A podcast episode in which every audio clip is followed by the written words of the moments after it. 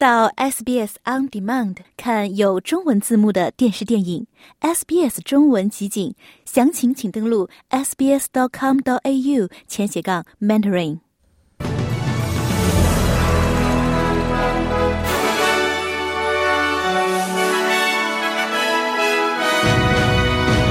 绿党批评工党政府第三阶段减税计划。两名澳大利亚人赢得一亿澳元强力球彩票大奖。美国称中国正攻击美国关键基础设施。欧盟同意向乌克兰提供一揽子援助计划。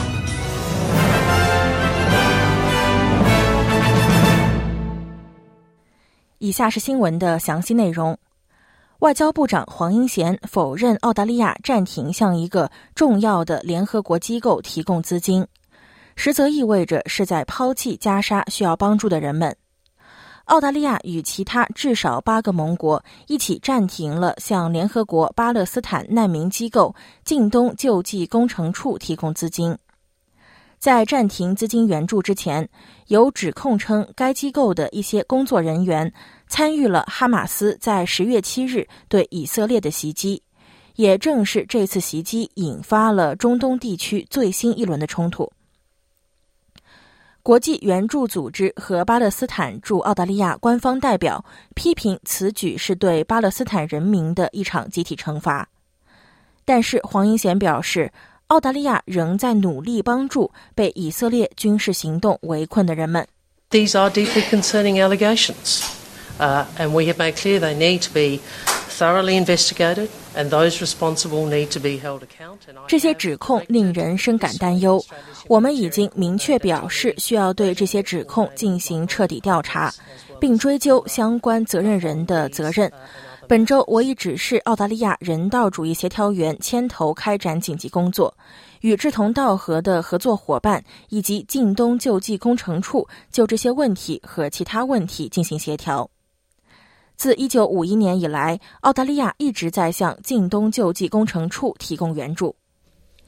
澳大利亚将派出一个代表团访问新西兰，讨论新西兰可能参与澳英美核潜艇项目 AUKUS 的军事伙伴关系问题。两国外交部长和国防部长在昨天举行了会谈，讨论在国防领域更为密切的合作问题。两国都认为，线下是几十年来最具挑战性的战略环境，加强威慑力至关重要。新西兰已表示有兴趣加入 AUKUS 的第二支柱，而该支柱则侧重于先进技术的共享，这将涉及到人工智能、网络战、防务互操作性等方面。澳大利亚和新西兰是长期的盟友。澳大利亚国防部长理查德·马尔斯表示：“现在和新西兰的这种亲密关系与以往一样重要。” The content and the manner in which we have spoken today really does reflect two countries. 我们今天谈话的内容和方式反映出两个国家对世界局势有着非常一致的看法。我们对两国如何在世界范围内开展工作有着共同的认知，这确保了我们可以在各个方面尽可能紧密的合作。绿党对阿尔巴尼斯政府的第三阶段减税计划提出批评，称其与前联盟党政府的提案差别不大。目前，政府正试图获得绿党和跨党派人士的支持，以便在参议院通过其改革后的第三阶段减税计划。该计划将包括恢复原定取消的百分之三十七税率，还包括将最低税率降至百分之十六。并将最高税率的起征点降至十九万澳元。绿党的副领袖麦金表示，这一减税计划仍然有利于高收入者。Labor's stage three tax cuts still leave people on high incomes with significantly bigger dollar. 与低收入人群相比，工党的第三阶段减税计划仍然会让高收入人群从税收体系中获得更高的收入增长。所以，工党即使修改了政策，第三阶段的减税计划仍然有利于高收入者。两名澳大利亚人获得强力球彩票 Powerball 的两亿澳元大奖，他们一位居住在西南威尔士州，一位居住在昆士兰州。与左反开奖的强力球彩票是澳大利亚有史以来金额最大的彩票。猎人谷辛格尔顿的一对夫妇赢得了第一个一亿澳元的大奖。昆州东南部的一位中奖者则将赢得第二个一亿澳元。居住在辛格尔顿的夫妇在网上购买了五十注随机下注的彩票号码，共花费了六十七点四澳元。除了两人将赢得本次彩票的头筹外，还有二十二位彩票参与者将获得每人约十七点七万澳元的第二组奖金。专家们呼吁成立皇家委员会，调查澳大利亚在应对新冠疫情大流行时的情况。一项调查听取了澳大利亚皇家全科医师学院和澳大利亚护理与助产联合会的意见。这两大机构在新冠期间代表着澳大利亚的一线医疗工作者。澳大利亚护理和助产联合会的联邦秘书巴特勒告诉参议院法律委员会，新冠疫情暴露了澳大利亚残缺不全的医疗保健系统。The experience of COVID 19 was an x ray of our entire health and aged care system. What it did was show all the fractures, reveal all the breaks. 新冠疫情给我们整个医疗和养老系统做了一次 X 光透视，它展示了系统中的所有裂痕，标注了所有的断层，甚至是很微小的那些。这些都是我们知道的，我们知道它就在那里。但是通过新冠，它们变得更加清晰。尤其是在老年护理系统中，我的意思是我们已经知道这些问题很多年了。在维多利亚地区的一家地方医院的健康诊所，有员工及其家属被指控在州卫生部长访问期间冒充患者。维多利亚州卫生部门正在调查一项指控，即在去年的八月九日，有十名员工或员工亲属在半小时内出现在维州科罗拉地区医疗机构的紧急护理中心。卫生部长托马斯于当日前往该诊所检查心脏监测设备，该设备由纳税人投资二十二点一五万澳元购置。据克拉克先驱报报道，所有十名涉嫌伪造的紧急护理人员都被记录在数据库中，然后被取消。而在部长离开时没有出院。卫生部长当时在社交媒体 Instagram 上写道：“在紧急护理中，永远不会有无聊的时刻。”您正在收听的是 SBS 中文普通话节目。欢迎您继续收听 SBS 新闻报道。接下来，我们来关注一下其他方面的消息。由于看门诊需付出费用，越来越多的病人不愿前去看全科医生，尽管更多的诊所能够提供全额报销。截至十一月的数据显示，全国范围内的全科医生的全额报销率上升了二点一个百分点。但是，一份生产力委员会的报告则显示，由于费用问题，推迟或根本不去看医生的人数翻了一番。在二零二二到二三年度，需要看全科医生的受访者中有百分之七的人因费用问题而没有前去。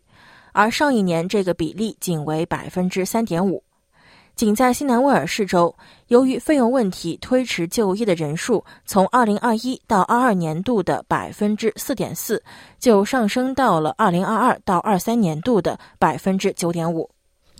与此同时，澳大利亚的全科医生的全额报销率自去年十一月以来增加了二点一个百分点。去年十一月和十二月，联邦政府将全科医生的全额报销激励措施翻了三倍，另外还对增加的三十六万次就诊实施了全额报销。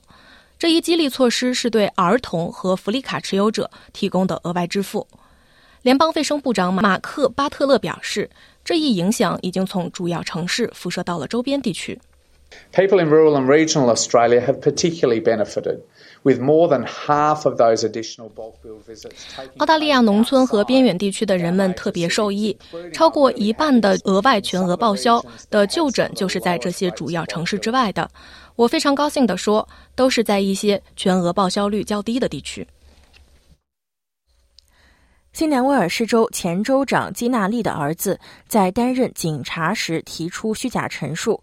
导致一名活动人士错误入狱，现将在悉尼唐宁中心地方法院接受判决。三十五岁的丹尼尔·基纳利在去年十二月被判伪造证据罪，并于昨天在悉尼唐宁中心地方法院接受判决。基纳利在一份声明中写道，其中包含大量与摩尔于2021年2月向 Newtown 警察局打电话有关的虚假内容。该声明称，摩尔想要杀害一名警官，并导致这名活动人士被捕并被拘留三周。iSu Police 的创始人后来获释，由于他手机中的电话录音，指控已被撤销。前热带气旋基里利将带来更多的降雨和洪水，昆士兰州西北部的民众正在严阵以待。基里利作为二级气旋，在汤斯维尔附近登陆近一周后，仍未完全消散。残余的气旋已在昆州西北部停留多日，带来了大范围的降水和洪水，道路被切断，铁路网络受到影响。凯努纳的居民已经撤离，麦金利也被隔离了起来。现在偏远地区正在为最坏的情况做准备。前基里利的出现引发了海湾地区的恶劣天气预警，而该预警将持续到今天，可能会有三百毫米的强降雨，并可能导致危及生命的山洪爆发。美国联邦警察 FBI 表示，中国政府的黑客正在针对美国的关键基础设施进行攻击，包括水处理厂、电力网和交通系统。美国司法部和 FBI 已经打击了一个由数百台美国本土小型办公室和私人居民以及公司拥有的路由器组成的僵尸网络。这些路由器被中国黑客利用来掩盖自己的行踪和隐藏他们的来源，以便散布恶意软件。美国国土安全部网络安全部门的负责人伊斯特利表示。中国军方的军事思想是要引发社会恐慌。Uh, absolutely. So, you know, as I mentioned, uh, as I alluded to, it is Chinese military doctrine to attempt to induce societal panic. 确实，正如我提到的，我所暗示的，中国的军事思想是试图在他们的对手中引发社会恐慌。可以说，中国政府在二零二一年五月克罗尼尔输油管线遭到勒索软件攻击的后果中略微尝到了一些苦果。该攻击导致东海岸的天然气管道关闭了数天，美国人无法上班，无法送孩子上学，也无法将人们送往医院，这引发了一些恐慌。现在可以想象一下，如果这种情况发生在一个大规模的范围内会怎样？美国总统拜登批准对被指控在约旦河西岸袭击巴勒斯坦人的四名以色列定居者实施制裁。拜登在签署授权制裁的行行政命令时称，约旦河西岸的暴力已达到了不可容忍的程度。制裁将阻止这四名定居者获取美国的财产和其他财产。制裁还将阻止他们使用美国的金融系统。美国正在准备对周日在约旦美军基地发生的无人机袭击事件采取更大规模的应对措施。该袭击造成三名美国军人死亡。美方表示，这次袭击是由伊拉克伊斯兰抵抗组织所为。该组织由伊朗支持的民兵组织组成，其中包含多个分支组织，包括伊朗什叶派民兵组织真主党旅。美国总统拜登已决定打击伊朗的代理组织，并表示伊朗应对向这些武装组织提供武器和训练负责。五角大楼以前曾针对伊朗支持的民兵组织发动的袭击，打击过代理基地，但是美国国防部长奥斯汀表示，现在是削弱伊朗能力的时候了。This this particular attack was egregious in that it you know the attack. Was on the sleeping area of one of of 这次袭击非常恶劣。这次袭击是针对我们一个基地的睡眠区。伊朗什叶派民民兵组织真主党旅和其他分子继续袭击我们的部队，而且我再次认为，在这一点上，我们应该是时候采取比过去更多的行动了。五角大楼在该地拥有艾森豪威尔号航空母舰和至少六艘其他主要的美国战舰，以及美国空军战斗机和雷达飞机。中国国家统计局公布的最新数据显示，二零二三年一月，中国制造业活动出现小幅回升，但采购经理指数连续四个月低于五十点。临近春节，工厂提前关门，让工人返乡，对制造业的指数造成了一定影响。此外，新订单指数为百分之四十九，比上个月上升零点三百分点，市场需求略有提升。由于外部需求疲软，新出口订单指数已连续第十个月低于五十点。中国地方政府债券风险加剧，中国央行已经宣布将从二月五日下调存款准备金利率。向市场提供长期流动性资金一万亿人民币。欧盟所有二十七国领导人均已同意向乌克兰提供八百三十亿澳元的新一篮子援助协议。尽管匈牙利曾在过去几周威胁要否决这一举措，但是最终还是达成了这一协议。德国总理肖尔茨敦促欧盟的二十七个成员国一致决定。在未来几年为乌克兰提供稳定的资金支持，这笔资金将来自于欧盟预算，以便在俄乌持续的冲突中为基辅提供更可预测的资金。欧洲理事会主席米歇尔在昨在昨天举行的布鲁塞尔领导人峰会开始后约一小时后公布了这一协议。比利时首相克罗在峰会上表示，这一决定将使所有的欧盟成员国受益。We can come to an agreement where, of course, if there is need for transparency, if there is need to make sure that the money is well spent, yes, that is that is a legitimate question. 我们可以达成一项协议。当然，如果这需要透明度，需要确保钱用得其所，是的，这是一个合理的问题。我们显然可以回答这个问题。但是，我们需要达成的协议是在多年度财政框架范围内的。当然，这个框架中重要的组成部分是有关乌克兰问题的，但是它同时也包括移民、下一代欧盟的成本融资等等。所以这里还有很多事情摆在眼前，达成这项协议对每个人都有利。好的，我们再来关注一下国际货币市场。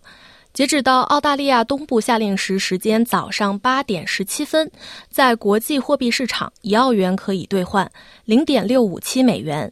四点七零四人民币，五点一三九港币和二十点五五九新台币。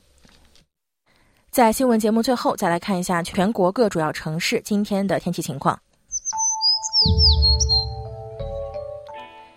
悉尼多云见晴，最高温度二十八度；墨尔本多云见晴，最高温度二十一度；布里斯班晴，最高温度三十三度；堪培拉晴见多云，最高温度三十二度。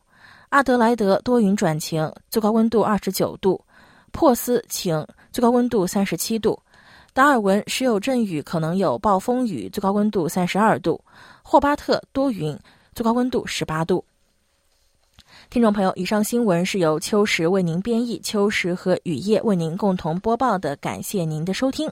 想在 SBS 当一回影评人吗？SBS On Demand 正在推送配有中文字幕的热门影视作品，您只需观看一部或以上影视作品，并把影评观后感发给我们，就有机会赢得一份 SBS 精美礼品。